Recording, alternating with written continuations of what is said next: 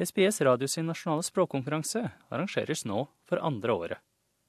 I den forbindelse tok DJ Sivadas fra SBS Malayalam en prat med SBS Radios direktør Mandy Wicks om viktigheten av å lære språk og årets nasjonale språkkonkurranse. To talk about SBS National Languages Competition, joining with us today is Mandy Wicks, the Director of Audio and Language Content at SBS. Thank you, Mandy, for your time. Thanks for having me, DJ.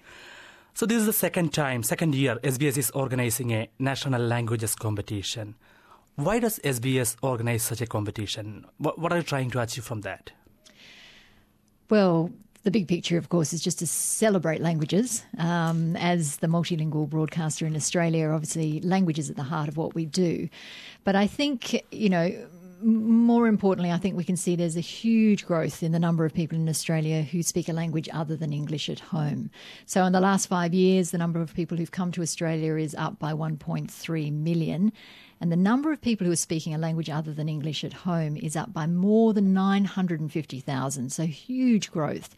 So for us, it's about celebrating language, but it's also about, you know, I guess encouraging the retention of language, which is really important in communities and is so core to, you know, to culture and keeping culture alive, um, but also to inspire our children to keep going with learning languages. This could be a basic question, but uh, it's, it's in the mind of many parents. Why should our children learn a language other than English? It's interesting to look at some of the statistics around language learning. And recently, the uh, Asia Education Foundation was talking about how language learning is actually decreasing and Australia is falling behind other countries. So, in the 1960s, um, they claim about 40% of school leavers graduated year 12 with a second language, but now that's down to around 10%. So, a huge decrease. On the flip side, um, the Foundation for Young Australians, they do a report each year, and they recently analysed more than 4 million job ads in Australia over three years, and they actually found there would be a 180% increase in the number of job ads that were requesting, um, you know, applicants to have a second language or to be bilingual. So it's really interesting to see that fewer Australians are graduating with a second language, and yet the demand for language skills in the workplace is really increasing. Oh, that's interesting statistics. So, coming back to the competition, uh, could you please explain what is this competition? What should the children do to take part, take part in this competition? As you mentioned last year, we debuted the competition. It was a bit of a pilot, and we partnered with Community Languages Australia, um, which have schools all over Australia. And we had nearly 20,000 entries from children who answered the question, What does learning a language mean to you? Um, this year, we're really excited because we're opening the competition to all schools across Australia, um, whether it's Community Languages Australia, or primary school, public schools, private schools. And again, we're asking that question, What does learning a language mean to you? And you know, on, on the face of it, as I say, we're trying to encourage um, a love of languages, to celebrate the language learning element. But it's also really interesting to see the responses that we get um, through the competition. And some of the, the themes that came through last year include a lot of the children, either through drawings or through writing, um, really highlighted the importance of languages in terms of breaking down barriers in their communities or within their families. Um, they really pinpointed the fact that that then encourages social cohesion um, through communication. A lot of the older ones talked about career opportunities, of course, about you know the value of having a second language. Um, but you know, I guess the most heartfelt uh, answers were really about that connection with family. You know, especially when you have family who may be overseas, to be able to actually have a relationship with them if you are able to to speak the language um, of the home country.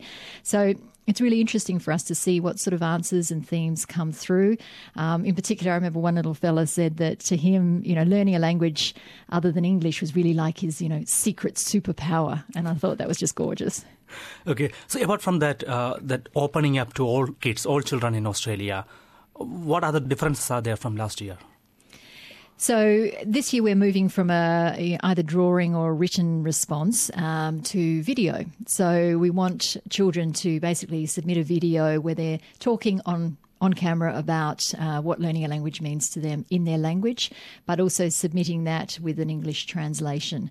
Um, and we think, you know, kids today, you know, that's going to be easy to you know grab an iPhone, grab some kind of smartphone, and to be able to um, you know produce that. And we've had a great response from schools right across the country who are really excited getting back into term three um, to do this in the classrooms as well. So we're very much looking forward to the entries. So the final question is, how will you choose the winners? What is the criteria for that? The criteria, it depends on the different categories. So we've got obviously small primary school children, middle school, high school. So there's different criteria depending.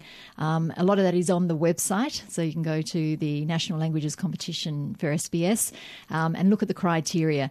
But a lot of it, again, is, is really just about capturing um, some creativity, but also that heartfelt message um, about what learning a language means to you and how that can contribute to inspiring others to either keep going with their language learning or indeed take up learning a language in the future.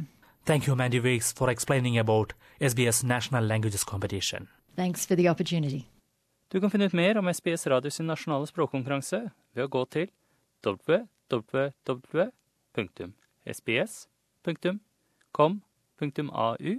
skråstrek nlc 17. På SBS norsk, jeg er Frank Mathisen.